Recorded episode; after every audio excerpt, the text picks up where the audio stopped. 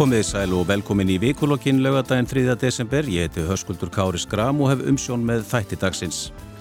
Það hafi verið hlýjindi á landinu undarfarna vikur og meðalhittin í nýliðnum novembermánuðis á hæsti frá því mælingar hófust. En það eru blikur á lofti og það gæti fallið snjór í einhverjum landslutum á næstu dögum en það bara slettar þrjár vikur til jóla. Nú kjaraviðraður er í fullum gangi og það verður fundað í húsnaði ríkisáttasemjara í dag. Stærsta stjættarfélag landsins Vaffer er þó þegar búið að slíta viðraðum meðal annars út af vaksta hækkunum Selabankans. Það stýtist í að alþingi afgriði fjárlega frum af ríkistjórnarinnar. Fjármálar á þeirra kynnti í vikunni breytingartilugur sem fylgja í sér aukinn framlegu til heilbreyðis og lögjæslumála og þá samþýtti borgar á Reykjavíkur á 50 tilugur meira hlutan sem hagraðingu og niðurskurði í rekstri borgarinnar upp á 1-2 miljardar. Hinga til að ræða þessi mál og mögulega önnur eru komin Kristrún Frostadóttir formaður samfélkingarinnar, Hildur Björnsdóttir borgarfulltrúi og ottviti sjálfstæðisflokksins í Reykjavík og Ágúst Bjarni Garðarsson þingmaður framsóknarflokks. Verið velkomin. Takk fyrir. Hildur, ég ætla, ég ætla að byrja á þér þessar hagraðingar og niðurskurðatillur sem samtittar voru í borgaráði núna á 50 dag. Þú hefur talað um að meiri hlutin hafi ekki verið nægilega hugrækkur í, í, í sínum tillugum. Hvað áttu við? Já, við fáum þarna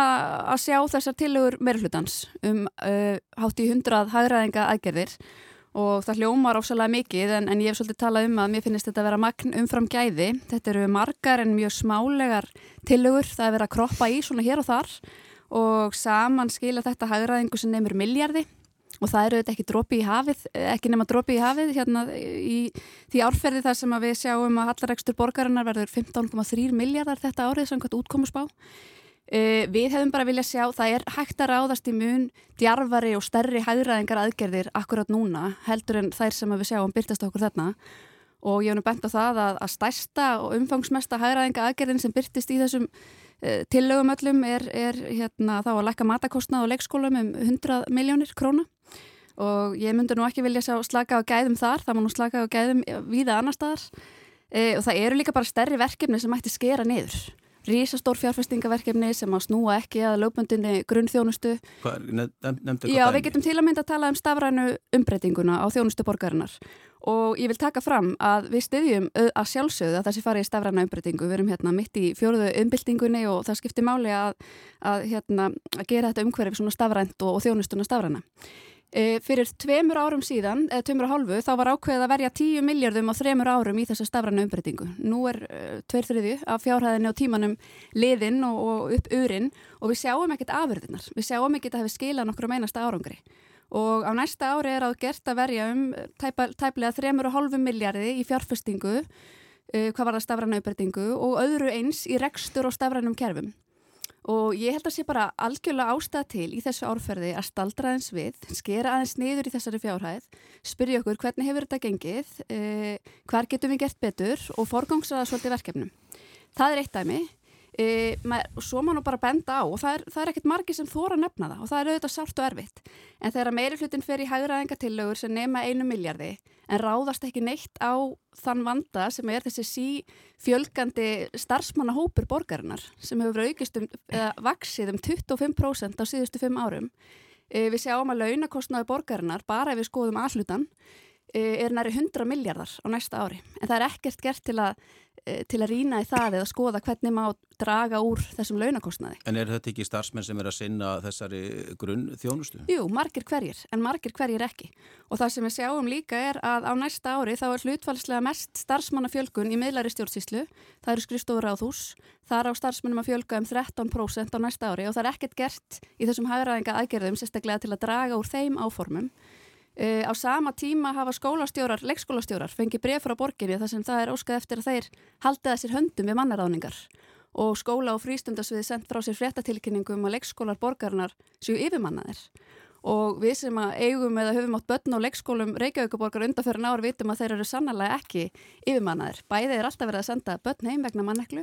og það er um 250 plás ónótæfi leikskólum borgarinnar vegna manneklu. Þannig að halda því fram að þessu yfirmannaðir eru þetta bara algjörlega fráleitt. Kristrún, þinn flokkur sem leiðir meiri hlutan í, í, í borginni, mm -hmm. þetta snertir náttúrulega ríki líka, ég veit ekki hversu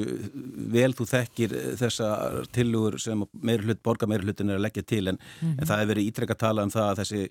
þjónustas við fatlaða sem að eh, sveitafjölu tóku við af ríkinu fyrir 11 árum, að hún er að kosta ansi mikið og, og hafur ídreika komið fram meðal annars í, í, í umsögnum um fjárlega frumarfið að frá sveitafjölum að það þurfi að koma meira fjármagn frá ríkinu. Já, Já, ég menna, auðvitað má alltaf gera betur sko, en ég held að það, við verðum sko talandi um hérna litlar uppæðir og stórar uppæðir. Eh, það liggur alveg fyrir að stærsta ástán og þetta hefur bara verið tekið saman að sambandi íslenska sveitafélag og undir þetta taka öll sveitafélag í landun sama hverjum þeim stýrir að stærsta einstaka ástæðan fyrir halla á sveitafélagstíðinu, þetta er ekki bara við Reykjavíkuborg, er málaflokku fallas fólks. Um, það kom út mat núna bara fyrir nokkrum mánuðum síðan eða bara í haust, þar sem var sínt fram á það að líklega á, á þessu ári stefnir hallin í að vera 13 miljardar út af þessu málaflokki um, og stjórnvöld, þar bregðast núna við til skamstíma með því að setja inn 5 miljardar framlag. Þetta kemur endur ekki fyrir en sko eftir e, áramót, þráttur að þetta sé árlegu kostnað sem er að falla til. Þannig ekki nómið það að þetta er ekki í rauninni nóg til þess að stoppa upp í gati, þá er þetta einskiptis kostnaður. Ég veit að það er einhver vilji til þess að ganga lengra með þetta, en sveitafélagin hafa beði lengi eftir þessu fjármagni. Um, það hefur verið, svona, verið átök á milli sveitafélagstíksins og ríkisins og þetta er eitthvað sem kom mér eða mest á óvart þegar að bæði því ég fór að kynna mér sem mál áðin ég fór í pólitík og eftir ég kom inn í það að sko almenningur gerir ekkert greinar mun á sveitafélagum og ríkinu þegar kemur að grunn þjónstu. Fólk vil bara hlutinir sem eru nálagt sér virki. Um, en við hefum hins vegar séð aukna áslík gegnum tíðina að það hefur verið að flytja verkefni yfir á sveitafélagin svona sem ég kalla niðurskur bakdara megin og því hefur einfallega ekki fyllt fjármagn. Um, og þetta auðvitað slega rekstur Reykjavíkborgar eins og margra annara sveitafélag og sko talandi um mannaráðningar og, og fjölgun starfsfólks, nú ætlum ég ekki að fara í, í dítelin hérna því ég er nú kannski bara ekki þeirri stöðu. En það likur til dæmis fyrir að eitt stærsti liðurinn það sem búið að fjölga fólki, veit ég hjá Reykjavíkborg og þetta á líka við önnu sveitafélag sem sinna þessum málaflokki fallast fólks mjög vel, er einmitt mönnun í úrræði fyrir falla fólk. Þess að hvert búsetu kjarnit e, þarf tugi starfsfólks til þess að sinna fólki í kringu það. Þannig að, að það auðvitað, e, þetta er bara mjög stort verkefni sem hefur reynd við á. Um, síðan, þú veist, að einhverju leit er þetta líka bara svona pólitísk hugmyndafræði það sem hefur verið að taka stað þessa dagana hvernig á að skera niður og hvernig á að mæta þessari stöðu og við veltum okkur bara fyrir almennt bara stöðu sveitafélag til að bregðast við kreppu ástandi. Þá er, sem við vorum að koma út úr í COVID, þá er staðarindin svo að ríkisjóður er í allt annari stöðu. Ríkisjóður getur tekið lán á legstu vöxtum, áhættuleysum vöxtum, eh, er með fjölbreytta tekistofna, er með miklu meira endur dreifingavald. Sveitafjölögin, þau taka lán með álægi, sem hver hafa ekki einu svona kost almennilega á því og þau hafa ekki margast tekistofna til að leita í. Þannig að þessi, þetta flögt sem hefur orðið í hagkerfinu, það bytnar svona þingra á sveitafjölum hvað það varðar. Þau eru svolítið reygin eins og fyrirtæki þau get ekki tekið höggið og þess vegna þurfa þau að leta leiða núna til þess að vera í ákveðnum aðalsækjurum. Ágúst, þú hefur náttúrulega reynslu af bæjar og sveitastjórnarmálum, sast í, í bæjarstjórn Hafnafjörðar í mörg ár og ert í þessari sérstöku stöðu mm. hér við þetta borða að vera þinn flokkur er náttúrulega meirhluta samstarfi með sjálfstæðismönnum á alþingi en, en í, með samfélkingunni í, í borginni. Ja. Hvernig horfir þetta við þér? Já, ég held að nú eru þetta skamtliðið á kjörtímanbili í, í, í sveitarstjórnumálum. Það eru örfái mánuður sem að síðan að, að kosi var og ég held að, að nýjir meirulutar, hvar sem þeir eru, þurfi að kannski að fá aðeins meiri tíma áður en að, að við fellum eitthvað að dóma um, um hérna, einstakka meiruluta hér, hér á landinu. Varðandi hins vegar að því við erum hér að ræða málumni fallasfólks og þetta er bara málflokkur sem stendur mér mjög nærri og ég held að við þurfum að nálgast uh, þessa umræðu með svolítið öðrum hætti. Við þurfum að segja, herru, við erum hér, uh, hvort sem að það sé fallafólk eða, eða aðrir, að við erum bara þjónusta fólk. Og það sem var gert uh, 2011 þegar málflokkunum var fluttur yfir, ég held að það hefur verið mikið gefið spór. Þannig að þjónusta við fallafólk er ekkit annað heldur en nær þjónusta. Það sem að hefur síðan gerst auðvitað í kjölfarið er það sem að hefur gerst í öðrum málflokkun sem að hafa líka verið fluttir yfir að þjónustan er komin nær fólkinu, hún eikst og kostnæðurinn eikst í kjölfarið. 2018 var sérst niður ríki og samband Íslandska sveitafjöla og aðrir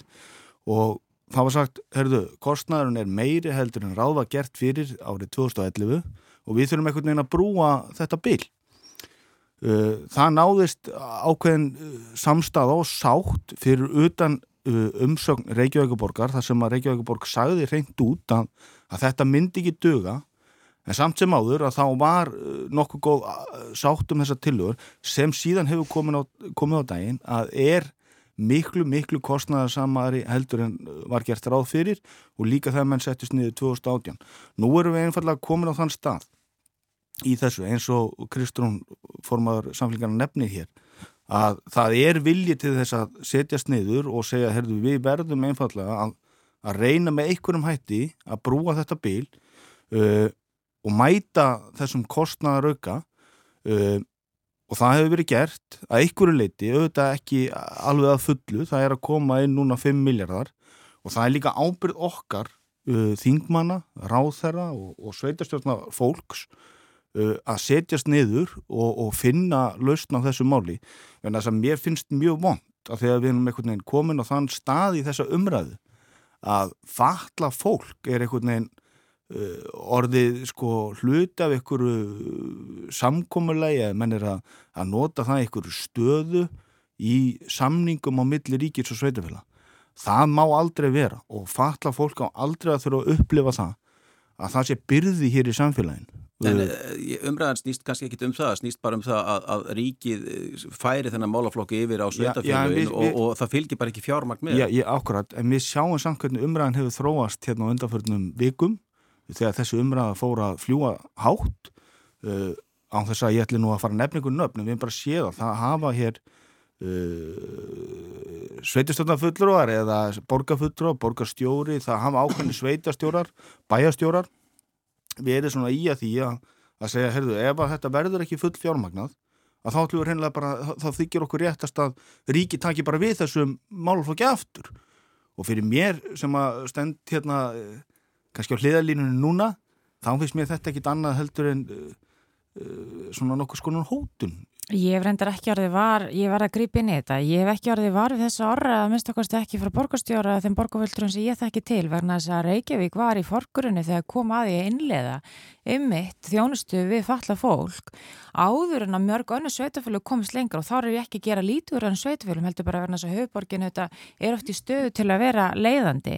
En staðrindin var líka svo og þetta er ekki bara eitthvað sem sveitafjölum fundi uppjá, uppjá sér að, að auka þjónustuna. Ég menna það voru sett viðbótar lög hérna 2018 af ríkistjórninni mm. þar sem að voru krafist ákveðina réttinda þegar kom að e, fölluðu fólki og fólk hefði í rauninni bara rétt til þess að lifa bara fullkomlega eðlulegu og frjálsu lífi og það tóku allir undir þetta en þessu fylgdi ekkert nýtt fjármagn þannig að, að sko minnskilingur er á þeim sveitafjölum sem í standi erfistu stöku akkvært þessu það er ekki verið og þau hafi verið í ykkurum luxusúrraðum akkvært þessum hópi heldur vegna þess að þau hafa ymmit tekið það á sig og tekið hallan á sig því að þau hugsa um fólki fyrst og svo hafðu fundið út úr hinnu en það breytir því ekki, það þurfa auðvitað að velta fyrir sér tekjuskiptingu ríkis og sveitafélaga og þarna vitum við alveg að ríkisjóður skuldar sveitafélagum ákveð fjármang, það likur alveg fyrir sko. Ég vil hans fá að breyðast þessu uh, og kannski vegna þess að Kristrún kom inn á þannig upphafi að ég vil að segja algjörlega skýrt að við í sjálfstæðisfloknum og, og mér finnst raunar það að vera bara samstáða um það að þverti við sveitastjórnastíð að, að það er allir samála um að málaflokkur fallasfólks er undir fjármagnaður og það er rétt sem hér hefur komið fram að, að málaflokkurinn er ferður yfir til sveitafélaga og um það er bara samstaða en svo eigur alltaf löggefin bætir í kröfunar og, og bara gott og við viljum alltaf bjóða góða og góða gæða þjónustu eh, en ekkert fjármagn fylgir með og svona í því liggur vandin. Eh, hins vegar má benda á það að hvað Reykjavíkuborg var þar að á síðasta ári þegar við förum í fjárasáallun fyrir árið sem nú er að líða þá er gert ráð fyrir að hallega rekstri borgarinnar verði 2,8 miljardar. Uh, ef við skoðum frávika greiningu fjármála og áttustýringasviðs þá er frávikin frá þessari áallun einungis 1,5 miljardur þegar kemur á velferðarsviði. Þannig að það að við séum komin í 15,3 miljardar hallaregstur uh, svo langt umfram áallanir gerir, skýrist ekki að málaflokki fallarsfólks. Það er bara 1,5 miljardur sem bætist í þar með ef áallanir. En samtidig þetta er... sérstaklega minnst á þetta atriði í álegtun meir hlutans þegar þetta var afgreitt í, í borgaráðu núna á 15 daginn þessar uh, niðurskúra tilúður. Já, það eru þetta alltaf, þetta er svona kannski þægilegt að nefna þetta og þetta er eitthvað sem við all, öll viðurkennum að er undir fjármagnað uh, sennilega kostaði málaflokkurinn um 6,9 miljardar á síðasta ári þannig að við erum öll saman um það að þetta þarf ríki að stíginni, ríki er raunverulega sammálaði líka, það þarf bara að ljúka þessum samningum. En þetta er hins vegar ekki stóra eða eina skýringin á hallarekstri borgarnar og mér finnst mikilvægt að það komi fram. Það er líka rétt sem að Kristrún segir og það höfum við líka alltaf viðkjönd að mjög stór hluti af starfsmannafjölkun borgarnar er inn í innavælferðasviði og það er inn í velferðarþjónustunni og þar höfum við aldrei gert aðtöðsendur við að starfsmannum fjölki. Við sjáum hins vegar eins og ég sagði áðan að hlutfalslega fjölga starfsmönnum mest í miðlæri stjórnsýslu og svo er gert ráðfyrir að starfsmönnum á skóla og frístundasviði fækki og það skýtur svolítið skökku við í þessu umhverfi þar sem við erum með eh, mannekluin á leikskólum, við erum með gríðarlega uppsapnaða bygglista inn á leikskóla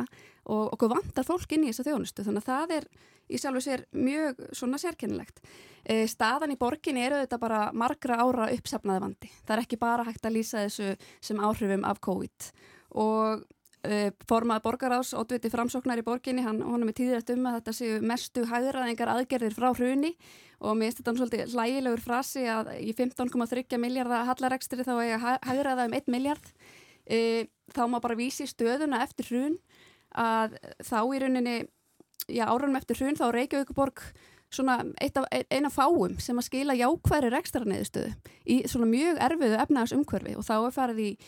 já skuldir borgarsjósjúkust til að mynda bara um, svona einan gæðsaleppa bara um 3 miljardar e, þannig að rétt eftir hrun þegar jákust um 32 miljardar á þessu ári nú í borginni. e, það var farið í ráðningabann og, og miklu svona harðari hagraðinga aðgerðir sem skiluð raunverulega áþreifanlegum niðurstöðum. En hlutfalslega í samanbyrðu 15 miljardar halla þá er 1 miljardar hagraðingapakki ekki drópi í hafið. Nei, en það er alltaf Reykjavík, er, eh, þessi vandi þar að segja, hann er ekki bara bundinni Reykjavík, það eru mörg sveitafél á landinu sem eru að glýma við mikinn hallaregstur þessa dagana Já. og útlitið kannski ekkit sérstaklega bjart. Þetta snýst um það að fjölga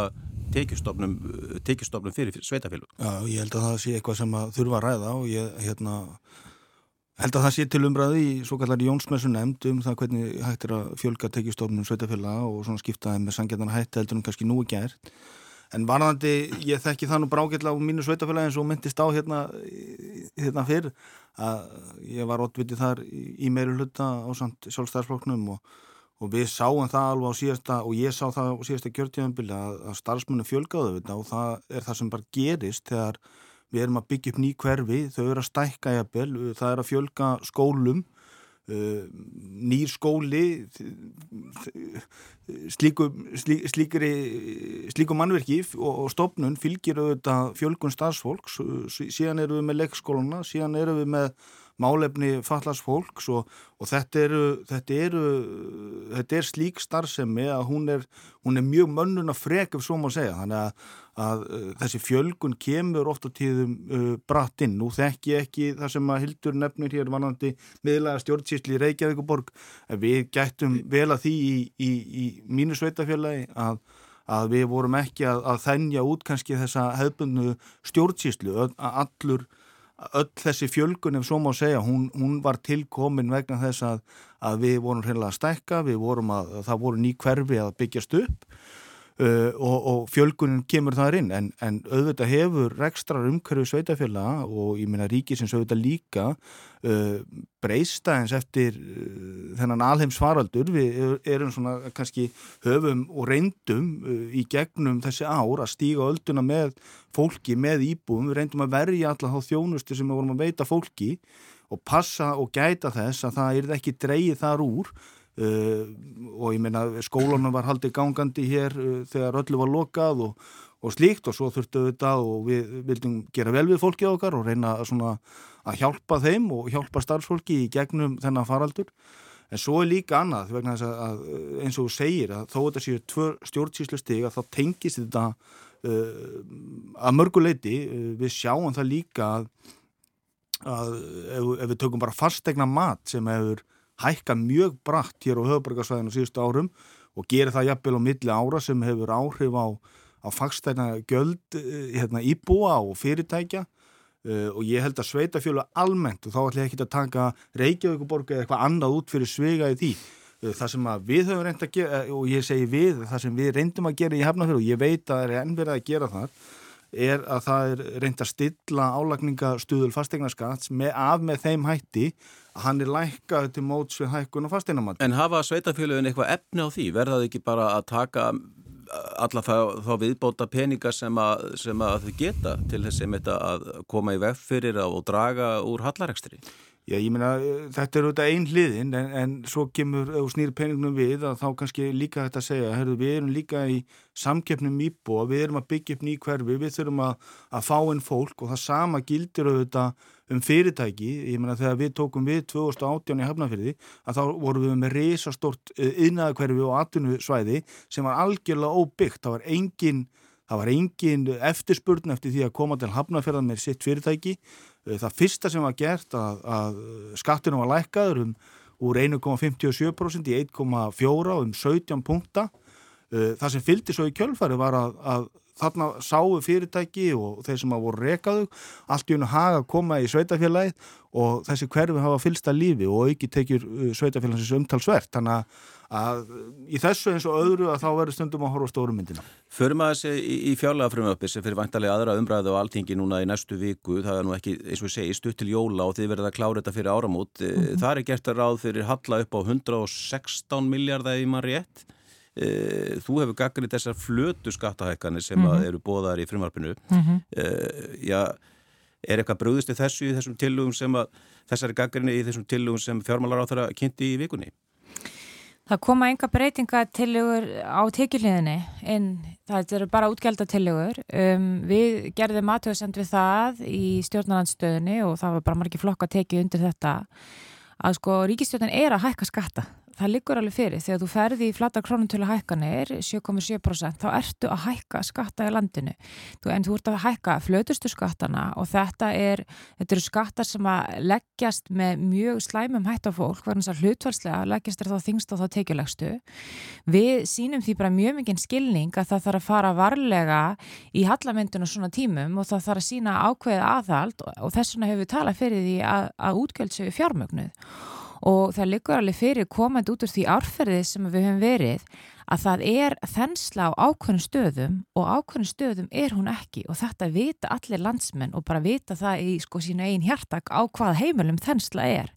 Eh, við komum til dæmis út úr síðasta ári með tölur í fjármastekjum aukningu upp á 52% þetta er aukning sem við hefum ekki séð frá hrunni. Þetta er út af meðal annars aðgjörnum stjórnvalda. Eh, við sjáum líka að, að fastegnaverð hefur hækkar óðbáslega mikið meðal annars út af fjármasaukningu inn á markaðinn og, og, og vakstalækkunum og þetta er bara svona aflegging sem við var búist. En það liggur auðvitað fyrir að, að, að til að vega á móti svona verðbólguþrýstingi til lengri tíma hefði þurft að koma líka einhver úrræði frá stjórnvöldum inn og þá erum við kannski frekar að tala um útgjaldurræði sem að draga síðan úr þá útgjöldum á launarliðinni síðan meir af því við vorum að tala hér um launakostnað að ríki þarf að hugsa um þau á næsta ári að þau hefur ekki geta áhætlað í sinu fjárlagafrumvarfi hvað við munum þurfa að greiða aukali í launakostnað út af erjum og deilum á vinnumarkaði. Ja, og þessina þarf að stíga eins svona ákveðin forvarnar skref og við höfum til að mynda að vilja sé, sjá að, að það er tekist af við verðbalgun með öðrum hætti að það er þá farið í skattaækkarnir og tekið aðgerir, það sem er gríðarlega þenslega fjármastekjum, eh, verðmætti sjáarafurða hefur stór aukist út af til að mynda stríðinu Úkrænu og, og það er bara eins og það er, skilji, og, og ekkert svo sem við sjáurðisfyrirtíkina að sakast í því, en það má alveg velta því upp í þessu samiki að því orðum við svona bara íslenskan almenning sem finnur fyrir þessu á eigin skinni í nauðþurftum en síðan ertum með ákveðnar atvinnugreinar sem eru að græða ástandinu hvort það ætti ekki vera vilji á ári að mistakostu sem þessu Er það tala um einhvers konar, einhvers konar kvalreika skatt á? Já, við varum að tala þá um kvalreika skatt á stórútgerðs sérstaklega, við vitum að stórútgerðin er alltaf nær stöðu en, en minni útgerða fyrirtæki og við hefum viljað sjá líka að það er sett áláð fjármastekjur í þessu ástandi. Þetta þykir okkur bara sangjan, þetta er auðvitað líka bara hápolítisk áhersla. Ég áttum alveg á því að fólk er ekkert endilega sammála þessari hug, hugmyndafræði. En jafna fólk er bara á því að þegar það kom upp svona aðstæður þá á ekki að fleita því yfir á almenning, þá ekki að fleita því yfir að tekilasta fólki í landinu heldur að setja það álæða sem að svegurum eitt staðar. Hildur, þú ert að gaggrina borgarstjórna meiri hluta og, og benda það að, að, að ykkar mati hafi ja, starfsmönnum fjölgað mikið. Þinn flokkur er náttúrulega að stýra fjármálaráðunitinu og stjórnaranstaðan hefur verið að gaggrina einmitt til þverjuga og sagt já það hefur, ofinbjörnum starfsmönnum hefur fjölgað ansi mikið á undanförnum árum. Ég er nú bara heilt yfir á þeirri skoðun að ofnbjörnum starfsmannum hafi fjölgað mikið í íslensku samfélagi. Þeir eru fjölgað gríðarlega auðvitað hjá Reykjavíkuborg og það er bara vandi sem við verðum að taka á. Og það er annað sem við sjáum líka sem er áhugavert og mjög mikilvægt innlegg og þetta inn í eins og kjara virðaðir og þetta kom skýrt fram í, í haustskýslu kjaratölfræðinemdar sem kom, fra, kom út núna í november. Eh, ef við skoðum svona þessa launathróun bara á síðasta samningstímabili að þá er borið saman í rauninni þróun sko almennumarkaði hjá ríkinu, hjá sveitafölögum og svo Reykjavíkuborg tekin sérstaklega út fyrir svega. Og það er sama hvaða mæli hvaða við erum að skoða, hvort við erum að skoða grunnlaun eða reglulegt tímakaup eða hvaða er. Reykjavíkuborg er allstaðar að leiða launathróun og það eru þetta bara mjög alvarlegt máli í mínum huga, þið ofinbera almennt, hvort það er Reykjavíkuborg, sveitafölög almennt eða ríkið á ekki að vera að leiða launathróun í landinu. Og það sem við til dæmi sjáum hjá Reykjavíkuborg er að nú er það þannig að já, næri nýju af hverjum tíu krónum sem renna í tekjur til borgarsjóðs fari að greiða laun ofinbæra starfsmanna. Og mér finnst það bara veruleg skekja og þetta er bara í rauninni ekki sjálfbært umhverfi. Og við sáum það líka í síðustu kjærasamningum að þá svona steig Reykjavíkuborg svolítið svona frá öðrum sveitafélögum og samti ríkulegar en önnu sveitafélög og nú sjáum við hvernig reksturinn lítur út. Og þetta er auðvitað bara eitthvað sem getur illa endur tekið sig. Þannig að ég hef bara mjög miklar ágjör af þessari þróun hvað var þar ofnbæra starfsmenn hérna í landinu. Og það eru nú þingmenn okkar sjálfstæðismanna sem eru uh,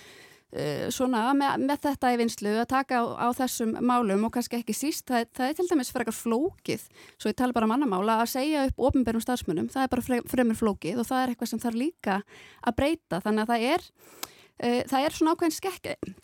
Afsaki, það er ákveðin skekka í þessu, svona mínu, mínu mati og okkar mati og þetta er eitthvað sem þarf að bregðast við. Ágúst, þessar flötu skattahækkanir, við erum með, með yfir 9% verðbólgu, stýrivextir eru að hækka, var ekki hægt að finna einhver aðra leiðir til tekiöfluna fyrir ríkið heldur en að fara í þessar, þessar flötu hækkanir? Ég held kannski svona fyrst og fremst að þá er það auðvitað bara staðan að við þurfum að afla tekna. Ég held að það sé svona kannski út, útgangspunkturinn í þessu. Varðandi veiðugjöldin að þá get ég að mörguleit alveg verið sammála því að það eru hérna ákveðna útgerðir í landinu, stór fyrirtækin sem geta greitt meira til samfélagsins heldur en þau gerir dag. Það sem ég myndi hins vegar vilja býða eftir og það er þessi vinna sem að matvælar á þeirra er með í gangi núna, það er heldar endurskoðun á öllu þessu kerfi og það er allt undir. Það er hinn hefðbundi sjáarútvöður eða svo má segja og svo er það þessi nýja þessi nýja grein sem er fiskaldi og við þurfum einhvern veginn að, að fara að horfa til þess hvernig við ætlum að innheimta gjöld af þessu svona til framtíðar. En þess að ég held í grunninn að þá séum við komin á þann stað að, að við áttum okkur á því sem samfélag að það eru ákveðnar útgerðið þarna úti, stór fyrirtæki sem geta greitt meira. Uh, og við þurfum einhvern veginn að finna leðina í því Svo er það eins og hefur enda komið fram hér að það eru minni útgerði, það eru lítil og meðalstór fyrirtæki þessum atvinnugrunnum eins og öðrum sem að kannski ráð ekkit við miklu meiri meiri byrðar heldur en áðari lagt í dag en það eru þarna úti fyrirtæki og við þurfum einhvern veginn að finna leðina. Uh, varðandi fjálugin í hild að þá er ég auðvitað gríðarlega ánæður með að sjá að, að það sé búið að leggja það til fyrir aðra umræðu uh, þessa miklu aukningu til heilbreyðismóla og ég held að það megi kannski segja að við séum komin á þann stað í dag uh, að það megi kalla þetta svona endurreist heilbreyðiskerfisins uh, eftir uh, þennan alheimsfaraldur og allt það sem að heilbreyðiskerfið, heilbreyðis starfsfólk hefur gengið í gegnum á síðustu árum. Og ég held að þetta sé kærkomið, þarna er verið að styrkja landsbítalan, það er verið að styrkja sjúgráðusið á Akureyri, það er verið að styrkja heilsugjastlunar það er verið að taka á og stitta uh, byðlista uh, og svo mætti áframtælja og ég held að við verðum einhvern veginn uh, að, að draga eitthvað ákveðið fram og ég ætla að reyða mér að draga þennan nýja samning sem að helbreyðisar á þeirra kynnti það er að segja samningunum við sjúkratryggingar sem hafa gert við klíningina varðandi endometriósu aðgerðir þetta er svona, já, mhm. erfitt orð en, en,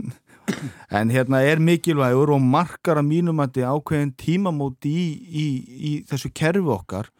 uh, og ég svona hef þær væntingar að, að við getum notast við þessa sömu nálgun í fleiri aðgerðarflokkum og þar getum við tekið og við þekkjum öll umræðina um, um þessar liðskipta aðgerðir þannig að ég er svona, ég er bara nokkuð bjart sín og ég fagna því mjög að þarna sé verið að styrkja helbriðiskerfið um, um þessar fjárhæðir. En Lili Afelsdóttir uh, hefur nú talað líka um þennan kvalreikaskatt, ekki bara á þá sjárótusfyrirtæki, heldur þau fyrirtæki sem er að hagnast mikið þessa, þessa mánuðina. Já, og ég bara tek undir þau orð míns En það er, ekki, það, er ekki, það, er ekki, það er ekkit í fjárlögum núna, eh, það þurft þetta ekki að inn núna í þessi fjárlögu ef að, ef að markmiði væri þá að reyna að draga úr álögum á almenning? Jú, ég meina, svona lítur þetta út eins og ég segi og hérna, ég held svona til framtíðar þá þurfum við að skoða, skoða aðra leiðir og, og hérna, og þetta er, er allavega til að sem okkur líst ágætla á en, en hérna, eins og ég nefni að, að að það eru auðvitað fleiri þættir og það, það kemur inn gjaldtaka á, á stórútgerðir og, og, og slíkt að hérna við verum að skoða stórumyndin og, og býða eftir þeim tilögum sem að líka fyrir frá maturlaróðar. Já, sko, framsókn hefur náttúrulega verið í þessari ríkistjórn í fimm ár og verið í ríkistjórn frá 2013 Um, sko ég veit ekki hvenar þessar tilugur er að koma inn ef þær geta ekki komið inn á tímum sem þessum. Auðvitað verður maður bara að fagna því að það er augljóslega víða samstæði við ákvæmlega aðgerið sem við í samfélkingu til að mynda tölum fyrir en, en orði eru náttúrulega ódýr og sérstaklega þú ert í ríkistjórn og ef þetta ekki byrtist ekki fjárlögum þá byrtist þetta bara ekki fjárlögum. En mér langa aðeins þess að koma inn á þessu stórsokni heilbreyðsmálum af því að þú spurði sérstaklega skuldur varandi þessa breytingatilög núna inn í aðra umræði og ég er ekkit vissum og það er bara mjög eðlilegt að almenningur átti sig ekki á því hvernig fjárlæfina fyrir fram en lögum samkvæmt, lögum ofnbér fjármál þá eiga fjárlög sem eru lað fram á hausti til að vera endanlegar tillegur ríkistjórnar. Það er koma inn í fjárlæganemnd, inn til þingsins og svo er það þingið sem að breytir fjárlögunum í takt við vilja þingsins eftir að fá umsörnar aðlinn. Það sem að gerist eins og er í þessum fjárlögum og ég held að setja marg sem svona ákveðið samstöðu leysi innan ríkistjórnarna þó að samstæðan þeirra á milli af nú reyndar að mínum að þetta tromba ákveðin málumni á þess að ég ætla að vera oflegileg hérna á lögutsmotni en sko að þau gátt ekki komið sér saman um endanlega tilur og við fáum í hendurnar þingið og hagsmuna aðla sem að og, og bara almenningur sem að veitir umsagnir e, e tilugur sem að eiga síðan að taka stórkonslegum breytingum á næstu vikum. Þetta finnst mér ofbúslega slemt verklag að mjög mörgu leiti. Í fyrsta lagi þá, þá sko klippir þetta einhvern veginn á alla uppbyggilega og málefnilega gaggrinni þess að þau geta alltaf sagt það er meira á leiðinni, það er meira á leiðinni. Hvað gerir þetta líka? Jú, þetta gerir það verkum allar umsagnir verði eitthvað neði sjálfkrafa úrreldar verna þess að síðan er, er eitthvað í pókahotnunni sem á að draga upp og rétt fyrir jól. Og mér finnst þetta endur spekla ákveði stefnuleysi hjá ríkistjórnani vennis í grunninn átt að vera með stjórnarsáttmála svo átt að vera með full fjármagna fjármálaátlun fyrir stórverkefni fjárlega endur spekla það. Og við eigum ekki verið að reka samfélagi hér ákveðum svona jólagjöfum rétt fyrir samþygt fjárlega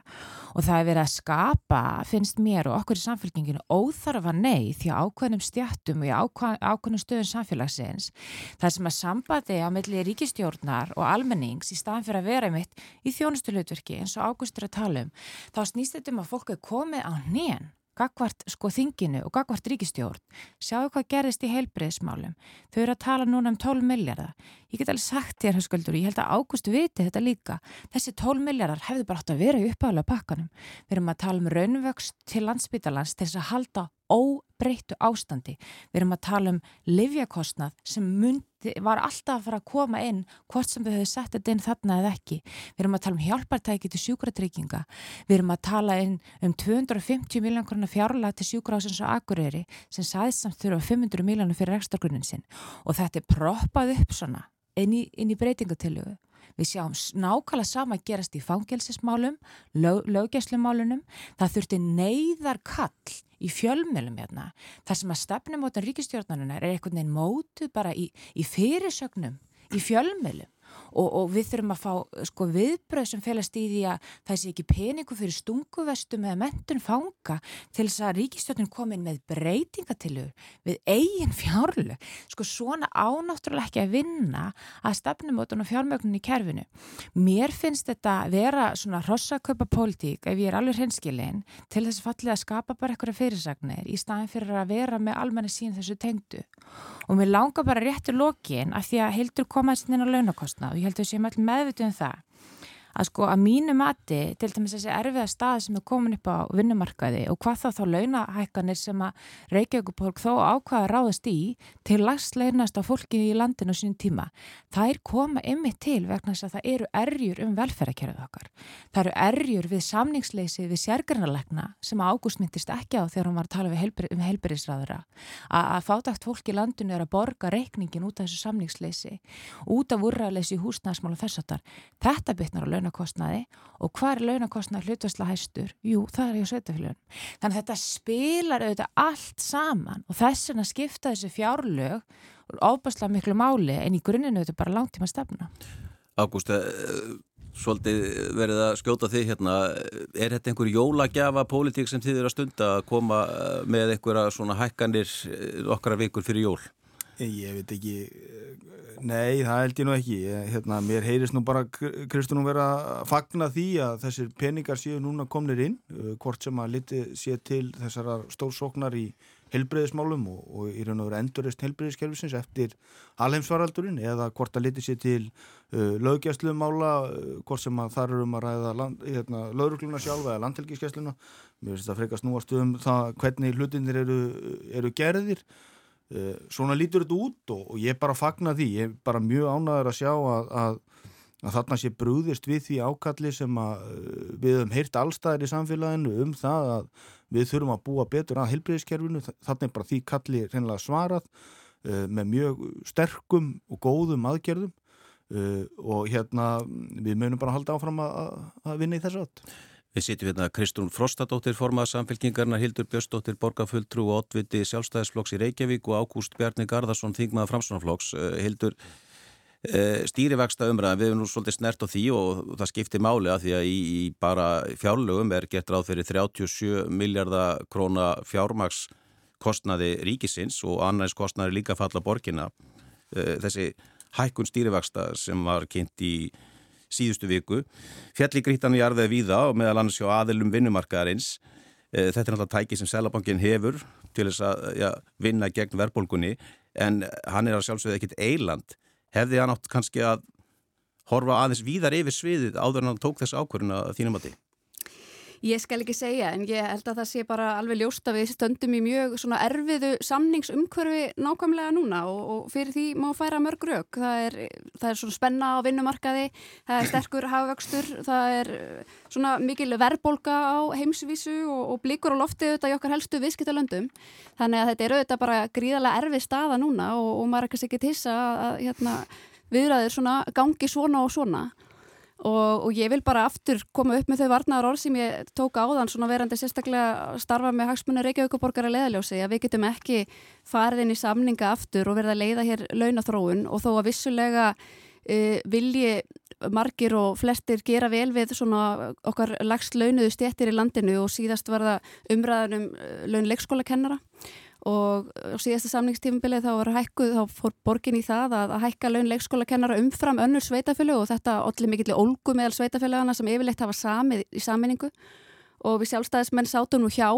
í þeirri atrenu og, og það var nú litið svo á að það veri vegna þess að við kerðum okkur ekki um að hækka laun leikskólakennara. Auðvitað skiljum við og vitum hversu gríðarlega mikilvæg og vermætt störf leikskólakennara eru. En við verðum líka alltaf að horfa á stöðuna sem við erum í. Og við sjáum það bara núna. Niðurstaðan byrtist okkur í þessari útkomusbá fyrir 2022 þessi gríðarlegi hallaregstur þar sem við vorum að benda á frá upphafi var við eigum ekki fyrir þessu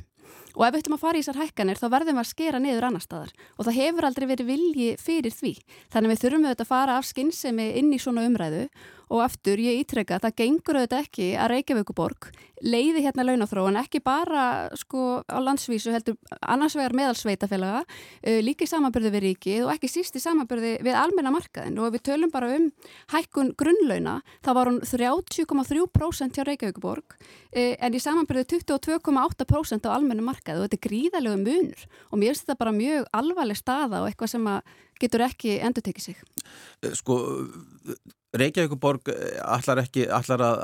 bara til fastegna skattin, sko, mm -hmm. þar verður þetta óbreytt áfram hjá Reykjavíkuborg mm -hmm. og sem týðir hækkun fyrir alla borgarbúa. Ríkið allar að vera með flata skattahækkanir á alla 7,7% eða maður rétt. Þetta eru aukinn göld á almenning það er alveg augljóst að almenningu þarf að borga fyrir þetta og, og fá þá inn einhver aukatekjur og, og, og þá verða menn að setjast í samlingaborðið og semjum launa hækkanir. Uh, erum við ekki bara komin einhvern vítarheng? Mér langar nú ansvar á að bregðast við sem er fastegnaskattana því að það var nú umræða hérna fyrir í þættunum sem að, hérna, ég myndi nú gerna vilja við, bregðast við vegna þess að við sáum það núna í sumar þegar að kynntir fastegnamattshækkun fyrir árið 2023 og það eru gríðarlegar hækkanir, er heilt yfir um 20% hækkanir á fastegnamatti á landinu og eh, nákvæmna sveitafélagin, öll sveitafélag höfuborgarsvæðisins, utan nema Reykjavík ákveða að breyðast við þessari gríðilega hækkun með því að lækka hjá sér álækningarhlutfallið og þú spurðir um þetta ágúst hérna áðan hvort að það sé í rauninni hægt að gera það, geta sveitafélagin eh,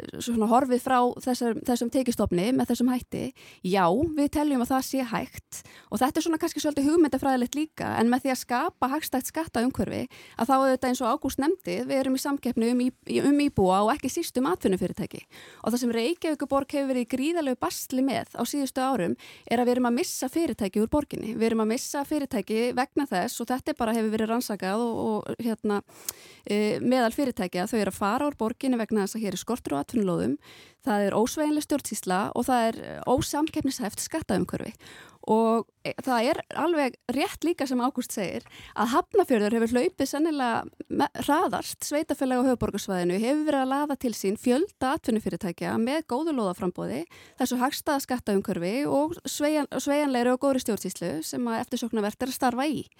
Þannig að þetta er eitthvað sem að Reykjavíkuborg þarf að líta sér nær með og það sem að ég sakna hjá Reykjavíkuborg núna þegar að verða breðast við þessum halla með þessum smávægilegu haðuræðinga tillögum að það er lítið verið að horfa til þess hvernig getum við aukið tekjur sveitafélagsins. Hvað getum við gert til að fjölga hér í búum og fjölga hér atvinnufyrirtækjum og það þurfum við að gera með því að vera samkemseft sveitafélag og því miður þó er það svo að höfuborgin okkar hún er ekki í fórustu. Hún er ekki í fórustu á, á landsvísu og hún er sannlega ekki í fórustu á alþjóðavísu. Ég er bara að fagna þessum orðum eh, Hildar og ég hérna,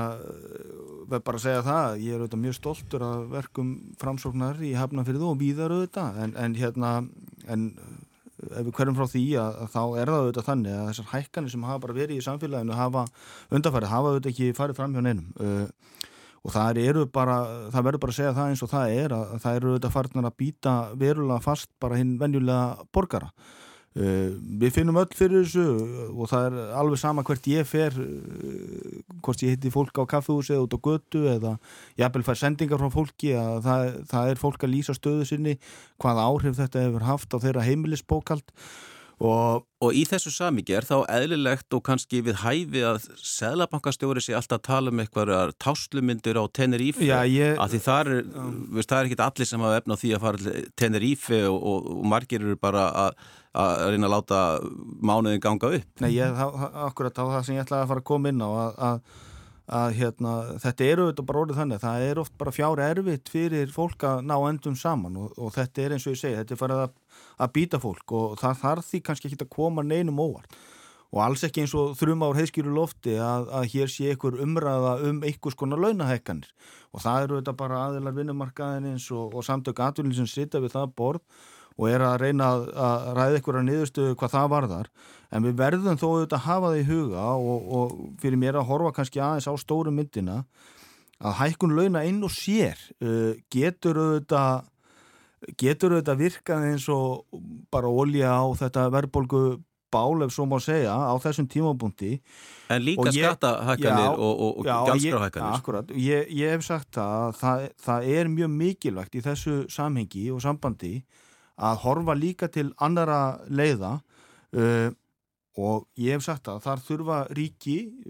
sveitafjölög uh, og atvinnulífið, ég hef nú minnst það við þar að banka og kannski fjármálakerfið í heild að, að svona koma einhvern veginn að borði og, og mæta fólki í landinu uh, með einhverjum vitrænum hætti. Og það eru þetta að koma inn alls konar gjaldtökur hjá sveitafjölögum Þar getur við nefnt sko að því Hildur nefndi hér skólamáltíðir áðan þú ert með leikskólagjöld þú ert með fastegna skattana þú ert með ímiskonar gjaldtöku á íbúa þar sem sveitafjölu og ríki og, og ég menn þetta er alveg rétt hjá þér að við, veist, þarna þurfa þurfa þessir aðilar að setjast að borðinu og bara hugsa, heyrðu, hvernig getur við hér í saminningu, í þessu umhverfi sem við lifum öll í, komið til móts við íbúana, þannig að þetta lendi ekki allt á, á, á, á fólkinu og, og, og jafnvel að það séu hópar sem er að bera mjög þungar byrðar, uh, taki jafnvel á sig uh, mjög mikið högg. Já og þurfum við svo að þóla það að, að það sé verið að tala um Tenerife á meðan það er að, já, ég meina, þessi, sko, að reyna bara að gera upp og, og borga allar reikninga. Já, en það, ég verð bara að segja það og algjörlega heiðarlega að, að þessi stýrivaksta hækkun, kannski að þessum tímapunkti sérstaklega inn í kjara viðræður uh, kom ítla við mig og ég framt að segja það að orðaræða kannski sælabankastjóra einni á þessum tímapunkti uh, snerti mig ekki sérstaklega vel og ég held að við þurfum við þótti þessi orð eh, svona yfirleitisfull og, og ekki vera kannski til þess fallin að ná fram uh, þeirri samstöðu og vilja til samninga eins og við hefum kannski þurft á að halda á þessum tímpúti. Já, sko ég get tekið til þess að orða hérna ágstarfa í, í tengslu við hérna Sælabankastjóra, sko algjörlega óhauði hvað sko fólk hefur þessari vaksta hækkun. Þetta eru bara mjög erfiðir tímar fyrir mjög marga og það er alltaf lægi fyrir einstakling sem er í svona áhrifastöðu að sína bara svona ákveðin skilning á því að þetta er högg fyrir marga, auðvitað er þessi 25 punta hækkun einu sér ekki stóra vandamáli, það er það þá voru skapar hér líka gríðarlegar vendingar um fyrir bara einu og halva ár síðan eða femur ár síðan að við varum að fara inn í eitthvað nýtt sögulegt tímabil, það var til að mynda fyllt af ungu fólki sem að skuldsetti sig gríðarlega á allt, allt öðrum fórsöndum en núna blasa við bæði Sælabankastjóri og fjármálaráður að rak meðalans hérna kostninga hérna herfer á því að benda á lága vexti vegna hans hagstjórnar. Takið eftir hvernig alltaf er verið að eigna sér góður hlutina en svo þegar hlutinir fara niður á við þá er því útvist og þetta áður við fleiri mál í dag. En mér lákar til þess aðeins að líka taka á sko orðaðinni hjá eh, ríkinu í þessu samengi verðan þess að nú heyri ég alveg þessi sjónamið sem að koma hérna fram um hvað er þetta að gera í stað, við þurfum öll að koma að borðinu og það er svolítið verið að ræða um þetta eins og við vitum ekki hvað á að gera.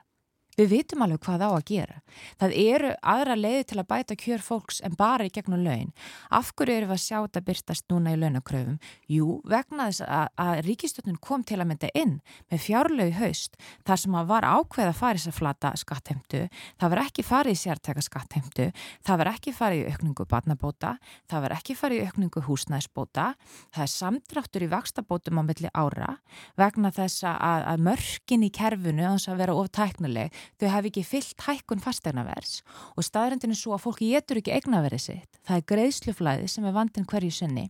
Það koma enga tilur inn í þetta. Uh, talandi um framsunaflokkin, innveðra á þeirra var hér með marga, marga, marga fundi og, og, og glæru sjó um stór sókn í húsnæðismálum. Fjögur þúsund íbúður á ári sem átt að byggja næstu árin Þriðjungur þjótt að vera félagslegurunni meðal annars til að halda aftur að húsnæðsverðbolgu, auka sveigurum fólks og ráðstöðunatekjur, fjárlegin koma, það er ekkert nýtt í stoppframlegun til þess að greiða götu þess. Ráð þeirra segir þetta kemur inn í aðra umræðu. Hvað fá við fangið í fjárlaganend í síðustu viku? Ekkert inn í aðra umræðu. Nú eru svörun svo Já, við erum 10.000 fleiri íslendingar en við heldum við þurfum ekkert meira 10.000 færri. Já, færri. Við þurfum ekki auka félagslegt húsnæði af því við gátum ekki nýtt smá að þessum úrræðum í fyrra og þá ætlum við ekki að bæta við. Og það eru óljós vilirðum vakstabætur húsnæðisbætur. Það er þekkt fyrirkomulag Ef við horfum til dæmis bara á uppbyggingu velferðarkerfina í löndunum í kringum okkur, Norðurlöndunum, að einmitt ríki og sveitafjölu, þeir vinna með átunureikundum og hérna verkefliðsræfingunni, þeir kemur að því að vera með kjarabætur á öðrum stöðum á launastærum, en þegar þú mætir með fjárlög og skila rauðu og þú ert með brostin lofvörð, þá ferur þetta allt í hart. Þannig að hér er verið að láta eins og við sem að leita einhverjum svörum sem sé ekki til þau eru til, en málið er að þetta kýtt líka að vera að kýta svona millir sveitafjölu og ríki svarandi hver á að gera hvað. Nú ætlum ég ekki að taka alla ábyrna sveitafjölun en það liggur bara alveg fyrir að sveitafjölug hafa ekki sama svona hagstjórnar hlutverk og ríkið. Þau get ekki skuldsett sig eða endurdreift með jafn miklum hætti og ríkið. Þetta er bara staðreind. Þannig að þegar koma upp svona stöður þá er það ríki sem á að vera auðvitað í fórustu til að koma í veg fyrir að öllu þessu kostnæði sé sem bara e, svona lifti að leifra sveitafélaginu í gegnum launakostnæði síðan meir og þá lendum við bara sífælt í þessum vítaring. Þannig að það voru tækifæri haust að koma fram með þetta. Menni, við samfélkingunum munum vera með breytingatilur nákvæmlega um þessi málefni, um kjaramálinn, um húsnæðismálinn, að því við viljum sína almenningi að þetta sem Ágúst er að tala hérna um það er til, við erum með lausnindar þeim er ekki verið að beita. Já, ég, ég held að það sé bara ekki alveg rétt sko. Og hérna við verum aðeins að horfa líka á það það, það sem er rétt í því sem Kristján segir er það að sveitafjölu hafa auðvitað ekki sama möguleika og ríkið á að taka lán á góðum kjörum. Og það hefur auðvitað verið, hvað segir maður, dragbítur á uppbyggingu kannski nýra hverfa og við hefum verið að sjá það meðalans í Reykjavík borg að aðaláaslan hefur verið á þéttingu byggðar í staðin fyrir að fara á einhvers konar blandaða leið í, í þéttingu og að hafa sveirum til þess að brjóta nýtt land til uppbyggingar, það sem er reynilega möguleiki til þess að byggja upp nýkverfi, uh, þau, þau byggjast upp fyrr og það, eru, það, það er ódýrari byggingakostnaður í nýjum hverfum, í útkverfum heldur en e, á þéttingarsvæðan, það, það er staðarind en það sem að En þá ertu, þá ertu svolítið að gleyma innviðum já, það ekki sem þurfa að byggja, byggjast upp líka. Hins vegar, það sem fylgir því að byggja upp nýjum hverfi er innviðakostnaður. Og þetta samkómulega sem innveðar á þeirra kynnti, þessar áætlanir um 35.000 nýjar íbúðir 4.000 á ári sem að er uh, þar að segja, uh, virkað þannig að sveitafjölu sérst niður með ríkinu og segir við erum til í að gera þetta það er þetta mikið í hluteldalán það er þetta mikið í, í félagsleitin húsnæði nú skulum við setjast niður og, og, og, hérna og gera með okkur samkómula um uppbyggingu innviða sem fylgir þessari nýju uppbyggingu. Þannig að ég fagna því uh, mjög að, að, að þetta sé að verða veruleika. Hins vegar að varða þannig að, þau stoppframlög sem voru í ár, 2 miljardar, uh, hafa ekki farið út og það, það er reynilega ekki verið að nýta þau. Þau færast yfir á næsta ár uh, og leggjast á ofan á þennan 1,7 miljard, þannig að þetta verða 3,7 miljardar á næsta ári og ég vænti þess að það fari hér allt á fullt vegna þess að ég veit það að það eru mörg sveitafjölög sem að hafa hug og eru jæfnvel byrjuð að setjast niður með ríkinu og ræða einmitt þessi mál. Það eru margir félagsmenn í eblingu sem eru starfsmenn borgarinnar og við sáum það að þetta kom til verkvalls uh, núna fyrir, rétt fyrir COVID uh, áttu eða óttastu það hildur að við sjáum einhverja verkvallsaðgerðir núna á næstu vikum eða mánuðum öllu heldur? Auðvitað óttast maður það alltaf og maður fann alveg fyrir, mjög, fyrir áhrifum þess bæði bara í borgarkerfunu heilt þegar þetta gerir síðast og bara í sínu persónulega lífi sem foreldri til að mynda leikskólabarna, það voru nú eflingarstarfsmenn sem að starfa líka þar. Þannig að jújú, auðvitað óttast maður það. Ég er nú svona alltaf bjart sínismanniski eðlisfari og trú alltaf allt, allt fari vel en auðvitað óttast maður það. E, mér langar hans að breyðast við sko Eh, umræðunni hérna um húsnæðismólinn og kannski sérstaklega hvað Reykjavík og Borg varðar og þessa áherslega mitt á þéttingu byggðar. Við sjálfstæðisfloknum hefum alltaf stutt hugmyndafræðina um þéttingu byggðar og snýra því að byggja meira þar sem að innviðir eh, geta nýst betur. Áherslanir sem við hefum hins vegar séð er að það hefur mikið verið byggt á stöðum þar sem innviðir eru þegar sprungnir.